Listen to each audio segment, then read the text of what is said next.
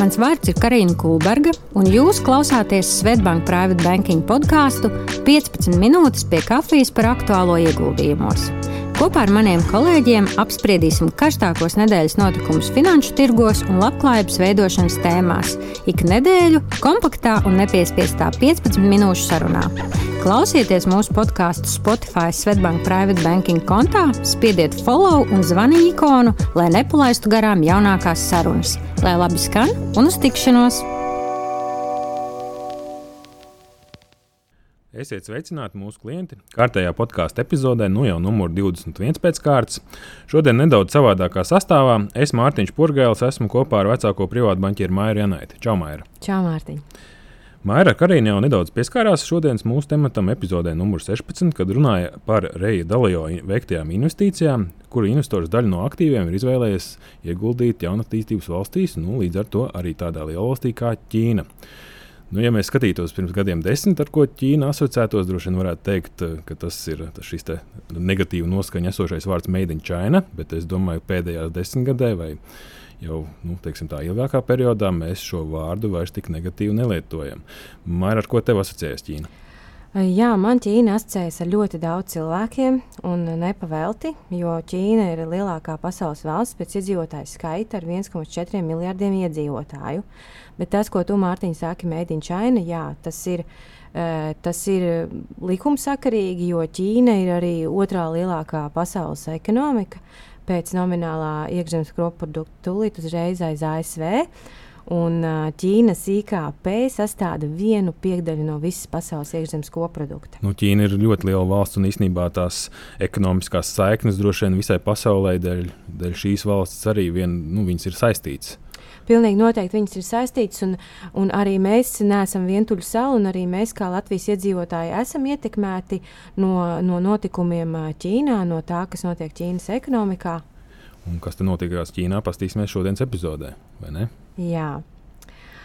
Un kāpēc ir svarīgi arī runāt par Ķīnu? Piemēram, arī mēs kā ieguldītāji saskaramies uh, savā nākotnes labklājībā ar, ar, ar, Ķīnas, uh, ar Ķīnas ekonomisko situāciju, piemēram, caur ieguldījumiem pensiju otrajā un trešajā līmenī. Jo noteikti daudzos uh, plānos ir uh, iekļaut arī šie attīstības tirgus, uh, uh, ITF, uh, un liela daļa no tiem ir arī Ķīnas uzņēmuma akcijas. Un, runājot par vispār par Ķīnas finanšu tirgiem, noteikti ir, ir kaut kādi rādītāji un indeksi, kas to atspoguļo. Nu, un, pēc būtības investoru nu, teiksim, investori visbiežāk skatās uz diviem. Viens ir Hans Seng indeks, kas ir Hongkongā bāzēts. Tas ir Hongkongas dolāros izteikts, un otrs indeks ir, ir Shanghai Stock Exchange Composite Index, kas ir at, attiecīgi bāzēts Šanhajā un izteikts ir Ķīnas juaņā. Bet nu, jāpiemina, ka indeksi tur vēl ir valsts ir liela, vairāki, bet tādi populārākie ir šie divi.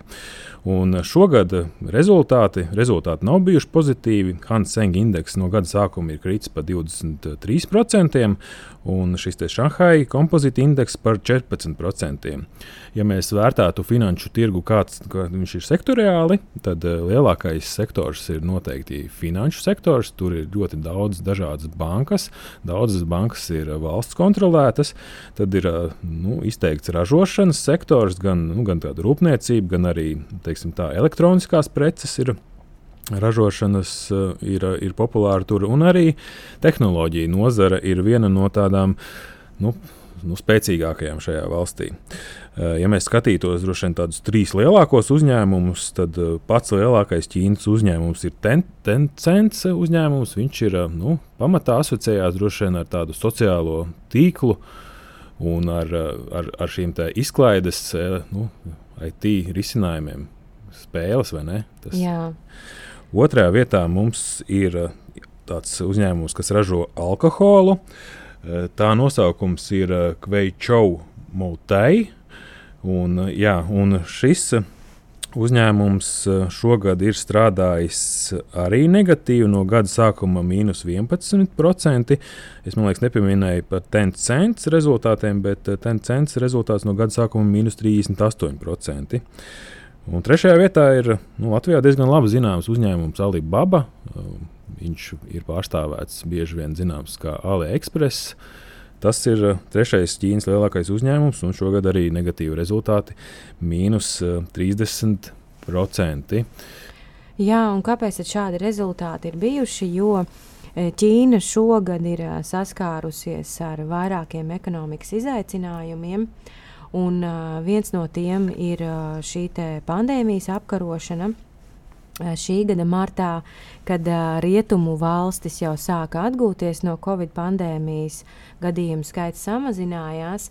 Uh, Ķīna piedzīvoja omikrona variantu uzliesmojumu. Un tas ir bijis uh, lielākais uh, gadījumu skaits Ķīnas um, līdz šim pandēmijas laikā. Un eh, Ķīna šīs pandēmijas apkarošanā izvēlējās tā saucamo Covid-0 politiku, ieviešot stingrus cilvēku pārvietošanās ierobežojumus, aizslēdzot veselas pilsētas. Piemēram, lielākā Ķīnas pilsēta Šanhaja lockdownā bija divus mēnešus, tas bija aprīlī un maijā.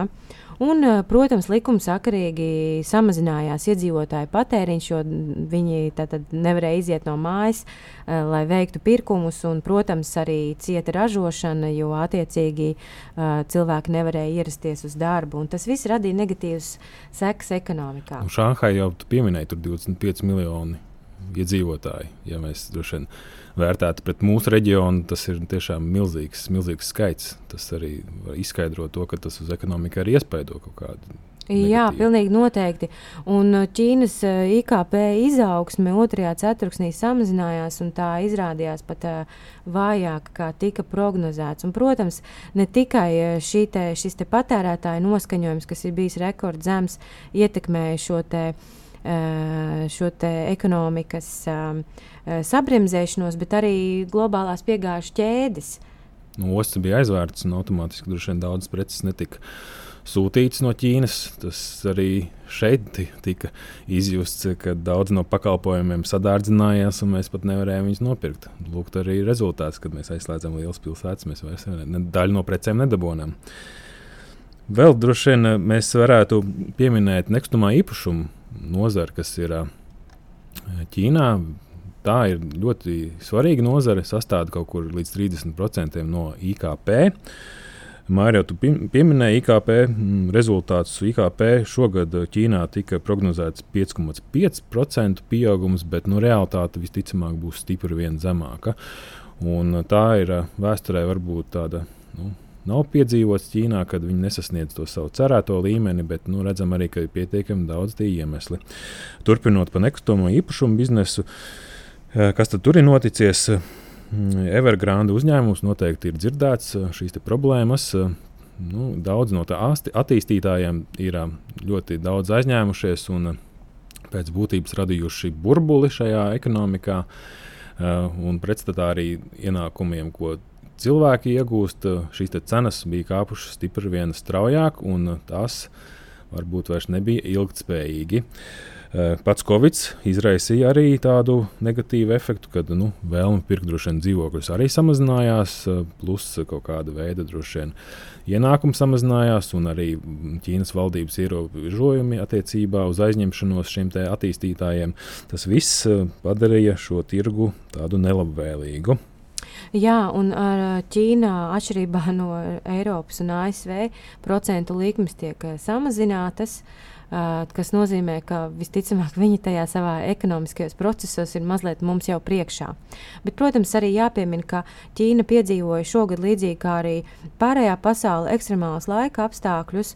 Un, uh, tas bija um, karstums, gr, um, temperatūra pārsniedza 40 grādus. Mm, Karstums un sausums ietekmē enerģijas iegūšanu, un liela daļa elektrības tiek ražota ar, ar hidroresursiem, un, protams, izjostot upēm, saražotās elektrības apjoms samazinājās, attiecīgi arī ražošanas apjoms. Un, protams, karstums ietekmēja arī um, pārtiks ražošanu, mm, gan labības, gan rīsu ražu. Uh, Un arī, protams, pieņemsim, dzīvnieki vistas nevarēja izdēt tik daudz olas, jo vienkārši viņām negribējās šādā karstumā tik daudz ēst.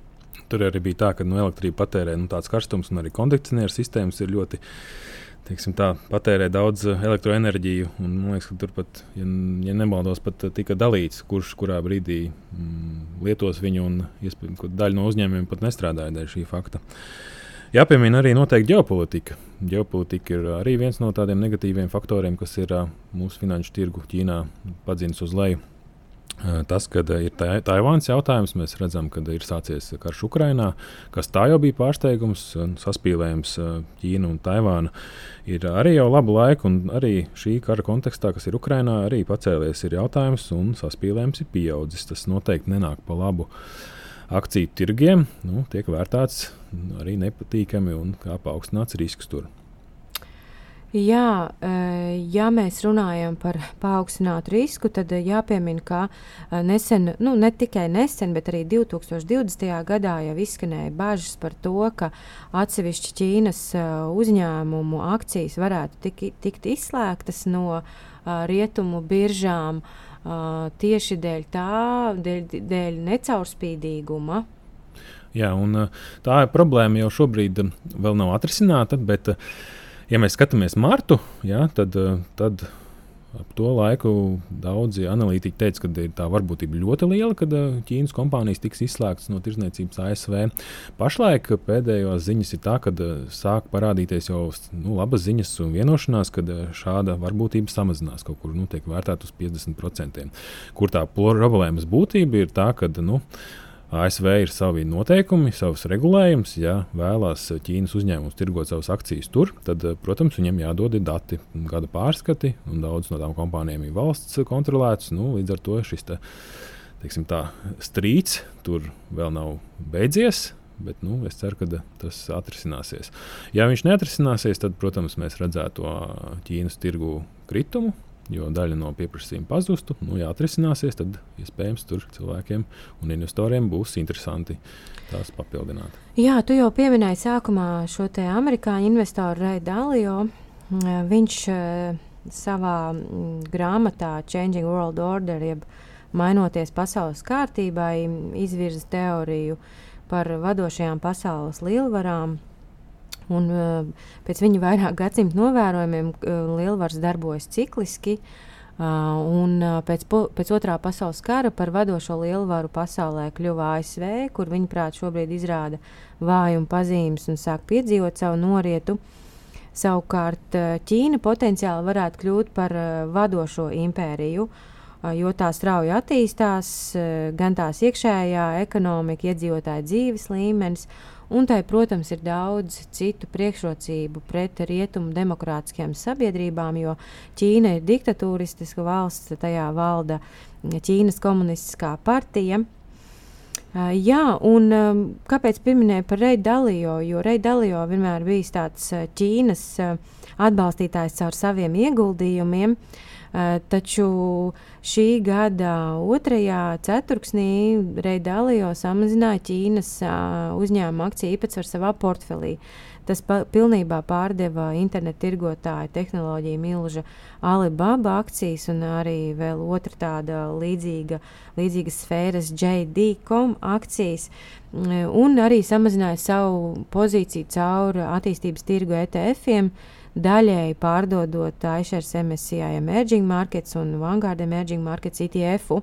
Savukārt tā vietā viņš ir izvēlējies uh, palielināt um, savas pozīcijas ASV akciju tirgos, nopērkot papildus SP 500 ETF. -u. Un piepērkot klāt tādus uzņēmumus kā Alphabet, jeb Google, Meta, jeb Facebook, Mastercard, CVS Health Group, kas ir veselības aprūpes uzņēmums.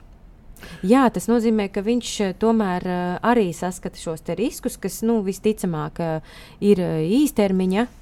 Un, un, un mm. visticamāk, ka tomēr Ķīnai ir potenciāls. Jo tu jau arī tikko pieminēji īstermiņu. No daļa no šīm problēmām ir īstermiņa. Teiksim tā, Covid no vienas puses nu, ir skaidrs risinājums, kad uh, ir teiksim, vakcinēšanās un tā tālāk. Nedaudz viena no problēmām Ķīnā ir tāda, ka tā stingrā politika, protams, ir to, nu, tā, to imunitāti nav izveidojusi. Bet skatoties tādus pārējos, nu, karstums tas ir, arī pārējošs. Ir pārējošs, un, un, un katru gadu es ceru, ka Ķīnā tāds nebūs. Nu, nekustamais īpašums problēmas sākusies, bet, nu, attiecīgi, noteikti jau tirgus ir piezemējies un jau ir saprātīgākā saprātīgākā līmenī. Jā, un iespējams, ka šis gluži otrādi ir iespēju laiks, un varbūt ir vērts izvērtēt, vai tomēr šis nav labs brīdis, kad Eh, kad ieguldīt. Un, piemēram, mūsu klienti var ļoti ērti ieguldīt Ķīnā caur robūru fondiem, jo caur Svetbanku robūru Āzijas fondu tad, tad, tur ieguldījumu portfels sastāv no 35% Ķīnas. Uh, savukārt, uh, Robūra Emerging Markets tur tad ir 32% uh, Ķīnas uzņēmumu akcijas. Bet kopumā eh, jāmin, ka mm, Ķīna, Ķīnā ir vairāki teiksim, draudi, tas ir eh, ārzemju tirgus. Un, uh, Bet tajā pašā laikā Ķīnai ir milzīgs izaugsmes potenciāls, un tā noteikti arī iespēja ir arī mūsu investoriem. Nu, un arī pēc rezultātiem redzam, ka Nu, ir, ir novērtējums, mēs nosaucām, nu, lielākā daļa no šiem jautājumiem bija problemātiski, un arī tie rezultāti bija attiecīgi mīnusos. Nu, tirgus jau ir iecenojis šādu veidu situāciju, kāda ir tur. Un tālāk, ja jau droši vien virzība uz augšu vai vēl turpinājums kritumam, būs atkarīgs no tā, kā attīstīsies situācija un cik labvēlīgi vai nelabvēlīgi tas Ķīnai būs. Es domāju, ka šī epizode jums deva ieskatu Ķīnā. Mm, katrā ziņā, ja ir vēlme pastīties detalizētāk, noteikti to var katrs izdarīt patstāvīgi. Teikšu paldies tev, Maira, par šodienas sarunu un uz tikšanos nākamajās reizēs.